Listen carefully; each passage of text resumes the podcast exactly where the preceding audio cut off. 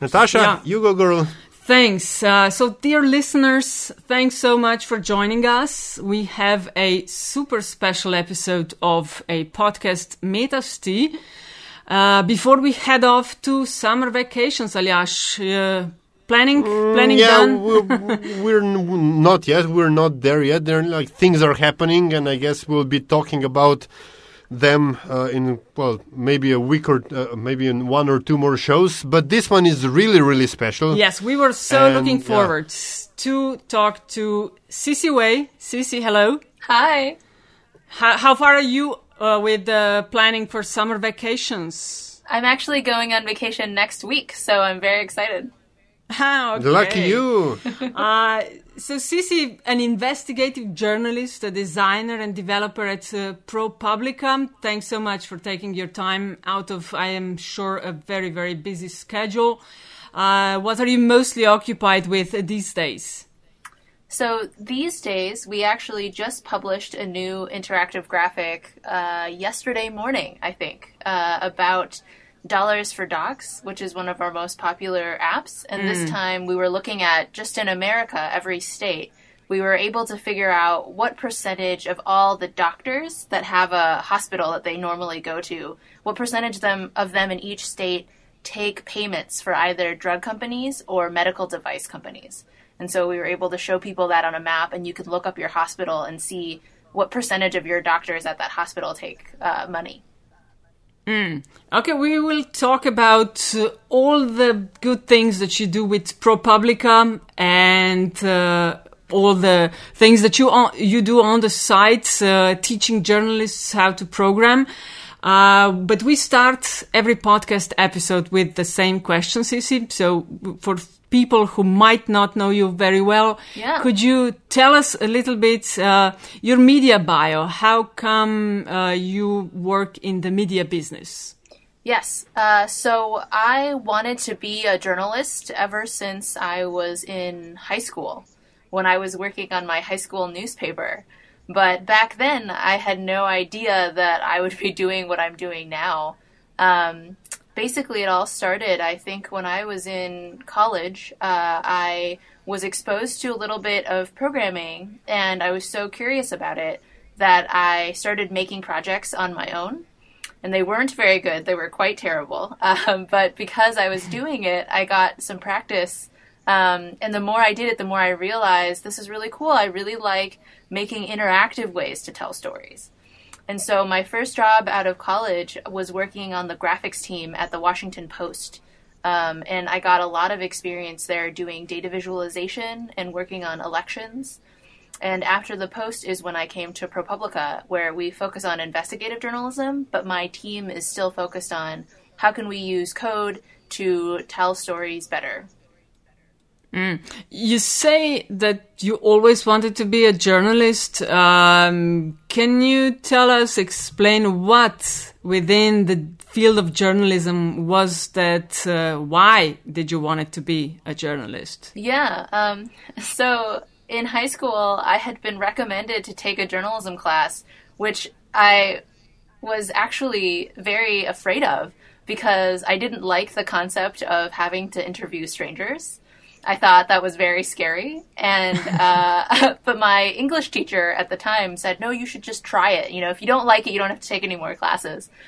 And I took the class, and what I realized is I really enjoyed the part of journalism that is about informing the public, right? So it just felt like suddenly I had a very important job to do, and that if I did my job well, a lot of people could be affected for the better. And obviously, in high school, you know, those uh, issues are very different, and in college too, the topics are more about my super tiny high school community. Um, but uh, that's sort of, I think, where that grew from. And I realized sort of more and more that I liked it, um, and also how important it was to me, and how important I think it is to sort of, uh, you know, society too. I know it's very important job that you do. I mean, we have been in contact about three years ago. We wanted to bring you to a Slovenian uh, Journalism Association festival every year, the Forward 2013. So I'm really glad that we managed to, to sort of get together for this podcast episode. A big congrats, uh, Sisi, for the 2016 Data Journalism Award for Best Individual Portfolio. Thank you. Uh, yeah, I mean, you, you've got ma- you have many many of these awards. You keep on uh, getting them, so you're re- really really uh, cool job that you do. Uh, so okay, let's start. I mean, you worked as you said for for serious news organizations. How is first ProPublica different? Because ProPublica is not like a classic, a traditional sort of media animal. Uh, Right. How is it different? So this is a really great question. Um, there are two big differences for ProPublica, I would, or maybe maybe three. So the first one is that we are a single topic in a way. So we cover a lot of different issues, but they all have to be investigative, which is uh, really different from most media organizations that cover sort of a broad range of topics, but um, they don't have to be any particular type of story. And so for me, coming from the Washington Post, at the beginning I was pitching stories that my editor was telling me, we're not going to do that because it's not investigative. um, and I was like, oh, I see. Like, even though oftentimes we think of very important stories that help inform citizens, let's say, um, you know, pieces that tell you where is the best place to go vote so that you can vote quickly, things like that. It's important information, but it's not something ProPublica would do because it's not within our investigative mission. So that's number one. Um, number two is that we're a nonprofit. And so our business model is totally different. We fundraise from uh, large foundations and we ask people to donate money instead of selling any type of paper or digital product. In fact, all of our articles are Creative Commons, so anybody can reproduce our content for free. So that's really different. And then the last one is our timeline. So, especially coming from the Washington Post, where you cover breaking news, ProPublica stories on a typical level, I might be working anywhere from one month to three months to maybe six months on a project Wow. I do, which is A way luxury. different. Right? Yes. it's incredibly different pacing and uh, incredibly different in terms of how how big I am imagining the project to be right at the beginning. Wow. That that really is not the case with traditional media. I mean, uh, when news organizations are laying people off, uh, ProPublica is hiring, is getting bigger. If Yes. if uh, I read the news, uh, uh, what are what are you doing right? What is so right? I mean, do you are there is there more appetite for uh, real in-depth stories? Is it the business model that you you have? Yeah, I will say, I mean, I, I don't know what the right answer is, um, but I can tell you what we are doing so far is one, we started the company in a very healthy way. And I think a lot of new nonprofits um, might struggle a little bit because uh, they didn't start quite in the same way that we did.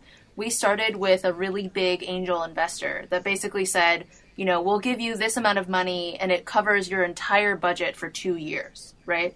And so for Wow. the first two years, we didn't have to worry about can we stay afloat. We can start fundraising for year three, way ahead of time. Um, and then now, I think because of that strong start and because ProPublica won some great awards right when we started, I think in the first three years we won two Pulitzers or something like that. Um, and I, I was not here for that, so I can't take any credit.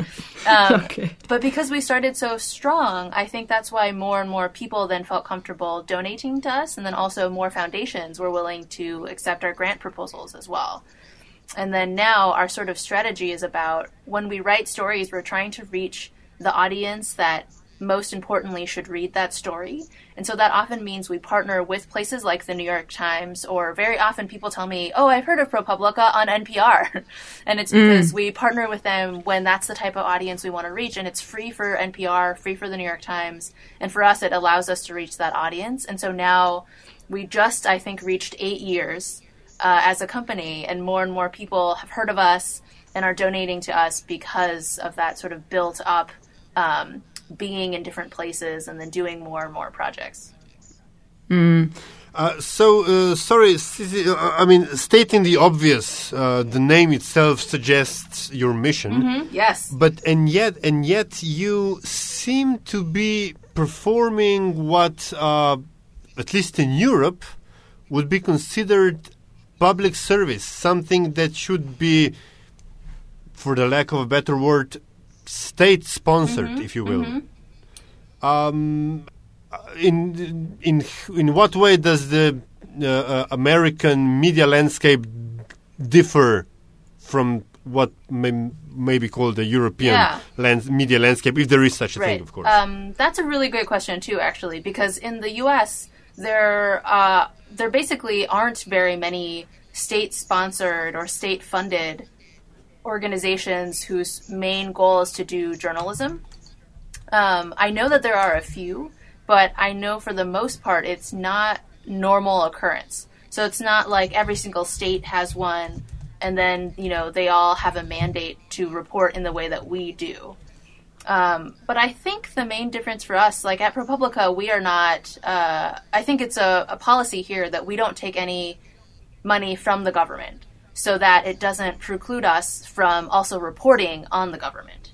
Uh, and I would say a, large number of our stories are also about federal agencies here or local and state agencies that we have investigated in, a, in addition to when we investigate private companies.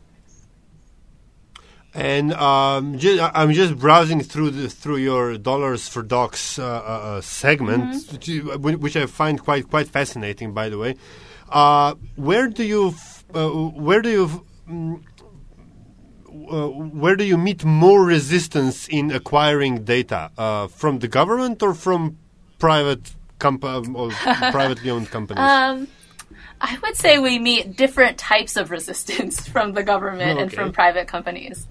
Uh, private companies, oftentimes, right, they have no obligation to give us any information, Yes. right? So anything outside of what they have to report to the government, there's sort of no way that we can get it unless someone on the inside is willing to leak it to the press. Um, and that's pretty rare, right? And so for us, I would say private company information we often have to try to get through other means um, in bits and pieces. So Dollars for Docs actually started out. Um, for listeners who don't know, Dollars for Docs is sort of our app where you get to look up a doctor in the US and see if a drug company has paid them any money. And at the very beginning, there was really not a lot of information about this. And so we were actually looking at uh, court documents where people had sued a drug company. And so some of their records became public. And that's how we got some of the first bits of information. Um, but this project actually is a great sort of metaphor for your question because a few years ago, a law was passed in the United States saying that all pharmaceutical companies are now legally required to disclose how much money they're paying doctors and for what reason. And so after that law came to pass, uh, companies I think had one or two years to comply. And now we're in that period where they are all releasing this data. And so we have it on a regular basis and we can publish it to readers on a regular basis. And that's pretty amazing.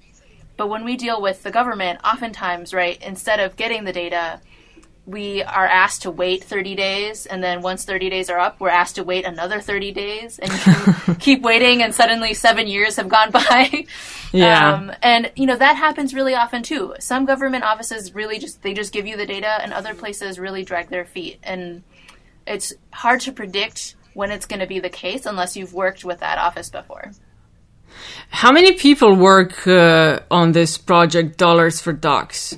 Oh, a ton of people. Um, so when I started at ProPublica three and a half years ago, it was my first project, but it had already existed by then. Okay. And so I would like to say that probably everybody who's worked on my team has at some point worked on Dollars for Docs, including every single intern and fellow we have ever had. Um, and on top of that, uh, the people who are continuously working on it are Charlie Ornstein, who's one of our healthcare reporters, um, and the person on my team who is probably the main programmer changes from year to year. We all basically take turns because it's such a large project. And when you're talking about your team that means what? Team is what's the name of the team? What Right. does the team uh, do? So the team I'm on is called the News Applications Team, and there's about I think nine or ten of us now. It started as three people, um, and our job is similar to what in other media organizations is the graphics team, where you make graphics.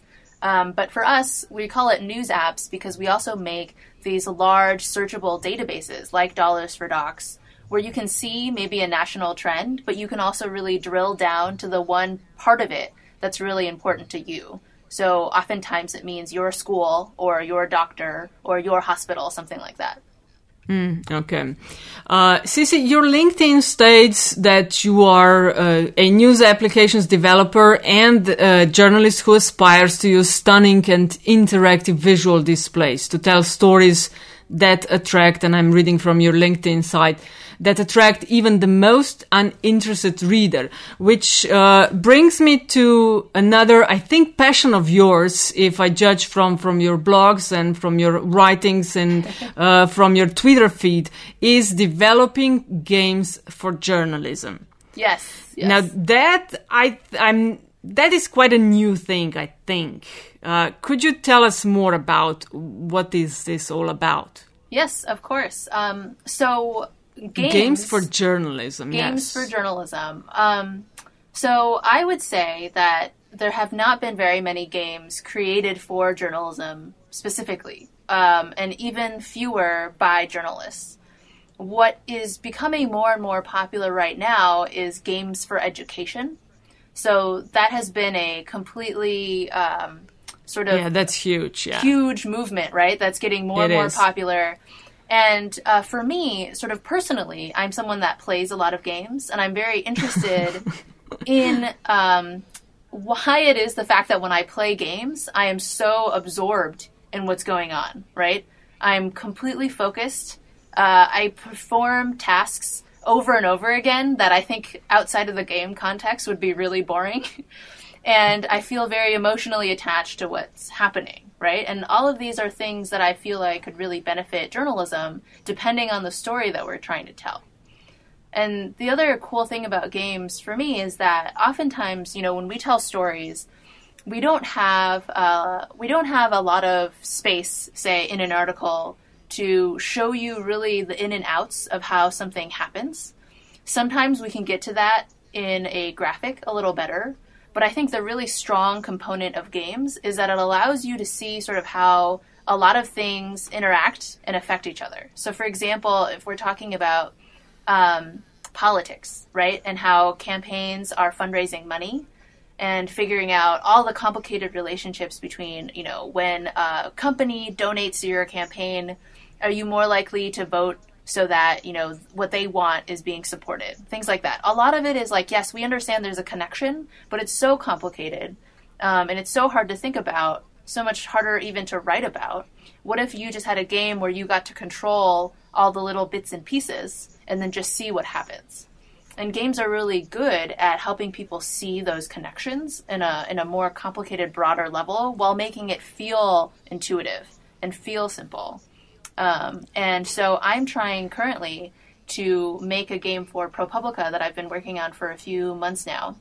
Uh, that hopefully I think gets at some of these things, where it takes this complicated story, which I can't tell you what it's about yet, um, but Okay. takes a complicated story, makes it fun, and you're you're suddenly a part of it and then suddenly you realize, oh, I'm acting this way, and it's how real people in real life act, but I don't normally experience it because I'm not part of this story right now. And you suddenly realize how it all works and how people feel when they're in those situations. Sisi, sorry, I, I- was always wondering. I, I mean, in my journalism, journalistic work, I oftentimes found myself, uh, you know, thinking how much time can I can I afford to invest in a story, um, as in terms of, uh, especially in terms of its half life, if if you will. I mean, you know. Story and then another story, then the, the original story gets buried someone down, uh, some someplace down down the website. Um, and I underst- I realized that ProPublica ProPublica can invest, afford to invest a significant amount of time, significant resources into a particular story, but we're beyond just compiling data and, and putting into into context. You're you're actually programming. You, you're gamification um, attempts. How much time? How many people does it take for you to to to to, to do that? And uh, is it worth it in terms of, as I said, the story's halftime when when when people lose interest in it? Right. Uh, so this is something that we think a lot about, actually, um, as I think a lot of people do. What's really interesting for at least the news applications that we make is that things like dollars for docs they don't act like um, they don't act like normal stories in terms of reader interest. Mm. So what we're used to is a lot of what you just said, which is we publish a story, maybe it does really well or maybe it doesn't, but after a day or two or three, definitely after a week, it's not doing very well anymore, right? People are losing interest because there are new stories to read. What's interesting is on our team, when we make news applications, because of the sort of personal nature of it and also how useful it is to people to look up something that's so specific to them, people end up coming back very regularly. So, for example, just taking Dollars for Docs, and you know, Dollars for Docs specifically is one of our most successful news apps.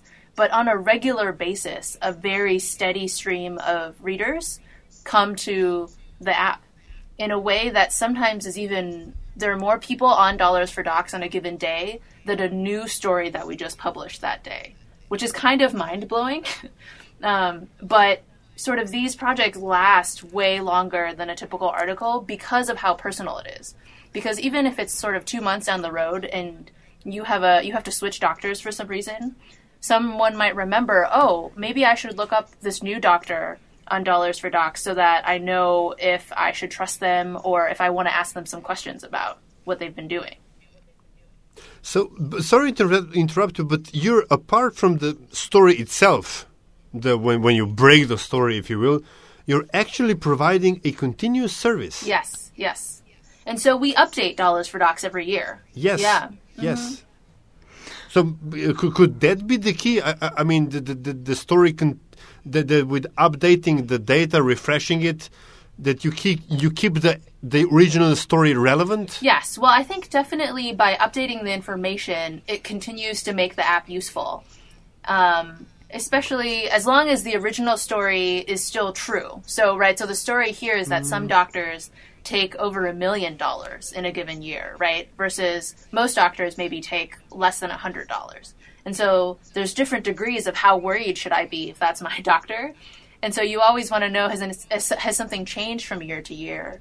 And for us, even though we update it once a year because that's how often the story comes out, people still come every day. It's not like we have to update it every week to get people to come back. Mm. I want to go back a little bit, uh, to games for journalism. Uh, mm-hmm. Could you name just a few, not games only for journalism, but the ones that you are playing that you told us?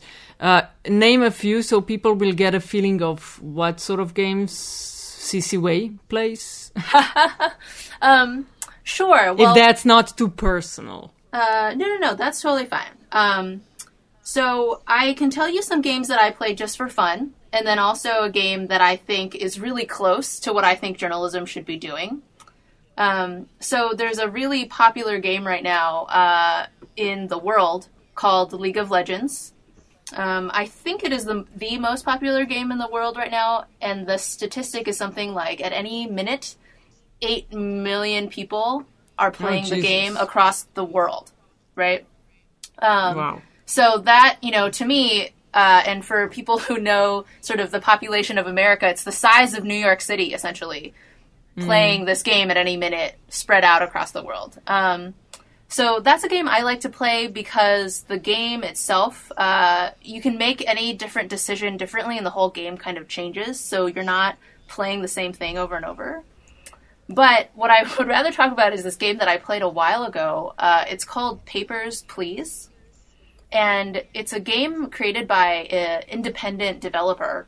Has nothing to do with journalism. Um, but what's crazy about this game is that it's uh, asking you to pretend like you are an officer um, of border control. So you're sitting in an office and there's Okay. a steady stream of people who want to get across the border, and they show you their paperwork, and it's your job to determine whether or not they're allowed into the country. And what's kind of crazy is that it's set in a dystopian sort of imaginary place, and uh, the developer has managed to create a game in which essentially, you know, uh, you're given instructions about what good, complete official paperwork looks like, but you are you are able to slip people through who shouldn't come through, and you are faced with a lot of ethical dilemmas. So there are people who come through and they offer to bribe you money to let you to let them through. Um, they tell you stories about how their entire family is on the other side, and that they're let's say um, the only thing wrong with their paperwork is that they were late one day in uh, coming to border control, and so you have to decide: do I let them through or not? And if you let people through who aren't supposed to, you face penalties. So you're playing Sheriff Arpaio. Yeah, yeah. and it's very interesting because it's it's kind of similar to real life in certain places, right? yeah. And so, yeah. I mean, you're, you're you're telling us that the games allow us to sort of experience things that other storytelling formats uh, don't get to. My question here would be if people who voted Brexit, you know, it's a huge thing in Europe, and a lot of them later publicly said they they made a mistake that uh, they would um take another decision if presented with uh, referendum again. If they would play a certain game, run through scenarios, various scenarios, they might decide remain.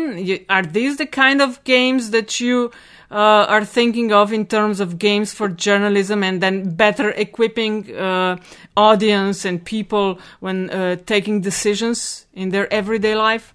That's or I, am I interesting doing- scenario.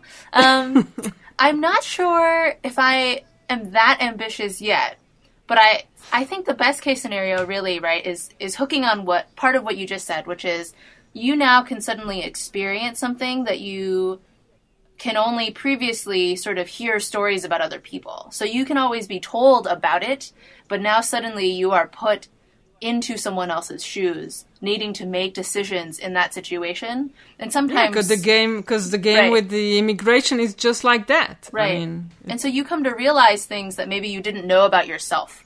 Um, and I think there's sort of greater empathy created out of games like that as well. Yeah. Tell us a little bit more about uh, uh, Code with Me. It's a programming education for journalists that you run, that you helped uh, co-found, right? And Yes. the mission is to help journalists overcome uh, their fear of uh, code and uh, stuff like that. Uh, are you satisfied with the project? I mean, how is it going? Are, are journalists interested to learn programming? What's your experience so far? Yeah. Um, so Code With Me was something that was started a few years ago, and I think we've had four workshops that we've hosted since it started, where we physically go to a new city, and then we sort of teach people in two days how to do some basic programming specifically for journalism. And so at the end, they can make um, some simple interactive graphics, and also know sort of if I'm really if I'm really pumped after doing this workshop and I want to do more, how can I keep teaching myself? And I think it's gone really well. Uh, we always have more applicants than we have spots, um, and for the So past, there is interest. There Yes. is interest. there's a lot of interest. Um, what's Because we of Oh, spoke with, so, sorry for interrupting. yeah. We spoke with we spoke with Ethan Zuckerman of MIT Media Lab about it, and he was telling us pretty much the same. I mean, yeah, uh, that there are uh, journalists interested. Yeah. Maybe not. Is future is future of journalism in coding? I think the future of journalism includes coding. So what I mean by that is Smooth, I want yes. it to. I tell this to students all the time. Uh, I think that what coding has been able to do for journalism uh, is allowed us to be better at our jobs. So it's not necessarily that coding can only be used for, say, the graphics and data visualizations that I make, but actually, if you know how to code, you have a better ability to analyze data, and that can just make your story better. Um, and I think the most powerful thing about having access to code and data analysis is that for a long time, journalists have always had to rely on experts, right, to get them certain Yeah. pieces of information, and they've never been able to question the experts or check their work except by asking other experts.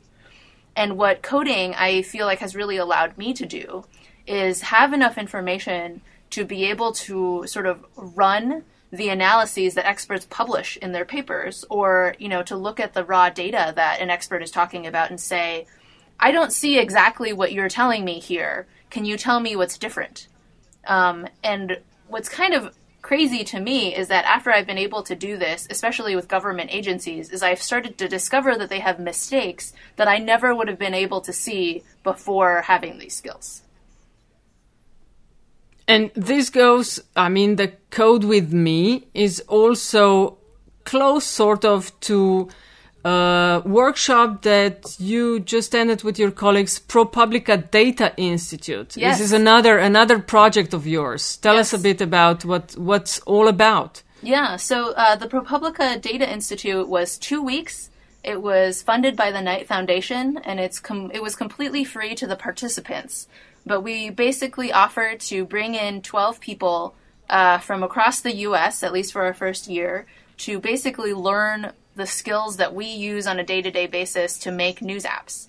And um, to address one of the questions earlier about demand, how many people were interested. So we had 12 spots, and we had 700 people apply. Nice. So that was an incredible, sort of large number of people, um, and that just wrapped up a week and a half ago, and it went really And- well, I think. And we're hoping to publish all of our course materials so that people can learn without needing to come here. So this was not just programming, but the sort of use of data, design, and code. Yeah. Sort of. So there Okay, were well, all three. right, three main Yeah. parts. It was data journalism, uh, design, and then programming. Uh, okay. And what what are the, the apps or the steps that you recommend uh, to your students for bulletproofing data? Are there any that you have in mind? Ah, yes. Um, there's actually ProPublica has published a bulletproofing guide um, that anyone can look up if they want. It's hosted on our GitHub. Uh, but there are sort of basic things to check for. So, um, you know, when you're looking at data that you get fresh from a company or from the government, you want to check and make sure, for example, that all the columns don't have values that are impossible. So, to give you a really quick example, we once had a school district, um, or actually a state, send us school information telling us how many AP classes are in high schools. And that program, the AP program in America, is essentially uh, this program that allows you to, at the end of the year, take a test and get college credit essentially for that subject area. And there's only a maximum of something like 20 some, maybe 30 some AP uh, tests in the country. And so there were some schools, though, that were reporting that they had hundreds of AP classes, which made no sense at all. Right? And so one easy thing to always check is each column, think about what is the maximum number this could be, or, um, you know, what values are impossible and shouldn't be here, and see if they're there. Uh, and if they are, you know that you have something wrong with your data. Thanks so much. Thanks so much for sharing that. Uh, Aliash, do you have any uh, question before we go to? Uh, I have I have loads of I questions, know, but I'm, know. I'm I'm afraid we're we're out of time. yeah. Uh, so so uh, maybe you know do the final Ah, okay, Sisi, we always ask the same question to all of our guests. And the question is, tell us something we don't know. This can be an anecdote, uh, something interesting, uh, in line of, uh, with your work, can be something completely out of it. It just, uh, looking for, um, I don't know, some, some interesting pieces of information that not many people know, uh, but you do, and you think uh, others might be interested into as well. Oh, that's a very good question. So it's not something interesting about me. It's something I know that I Yeah, think no, it's not a should know. tabloid. Yeah, it's not like a tabloid sort of questioning. Okay. Just uh, some sort of knowledge or. I have an answer for this. I, I've actually been thinking not about this question, but about uh, something in specific for the past two or three days. Um, right after the Data Institute, I was thinking about right, like, are the students really taking away everything we want them to take away, and have we really taught them how to teach themselves? And for a long time, including with Code With Me, I always thought the most important lesson that I could teach a student is how to teach themselves, right? So that seems pretty intuitive because oftentimes in my job, that's the only way we keep going. Even after you get hired, we're constantly teaching ourselves whatever new technology there is to see if it works. But I realized recently that that is not the most important lesson, and that the most important lesson is to teach students to believe in themselves and that they have agency. And I sort of realized that I can teach someone, like, you know, it's normal to have to Google for an answer. But if someone doesn't believe that they can actually follow the answer and create something themselves, that it's actually not, it's not very useful anymore. And that I think the biggest difference um, when you're trying to figure out how to do something totally new, whether it's coding or anything else in your life, is that you have to have the belief that you are capable of finding the answer and then you are capable of executing the answer. And it's all in your control. Even if it feels difficult, you have the control. You, you're telling me Americans have issues with confidence? okay, that is Maybe not in expressing their views, but definitely in, in learning new things they weren't taught. I think that that, uh, yeah. sums everything up. Sisi Wei, an investigative journalist, designer, and developer at ProPublica, thanks so much for your time. Uh, Thank you. w- could you tell where can people find you online on Twitter, maybe? Yes. Uh, so on Twitter, I'm just Sisi Wei. It's spelled S I S I W E I. Okay. Uh, Excellent. and we'll include the, the uh, webpage to your uh, website and all the more info will be available there. So Sisi Wei, thanks so much for this conversation. Thank you.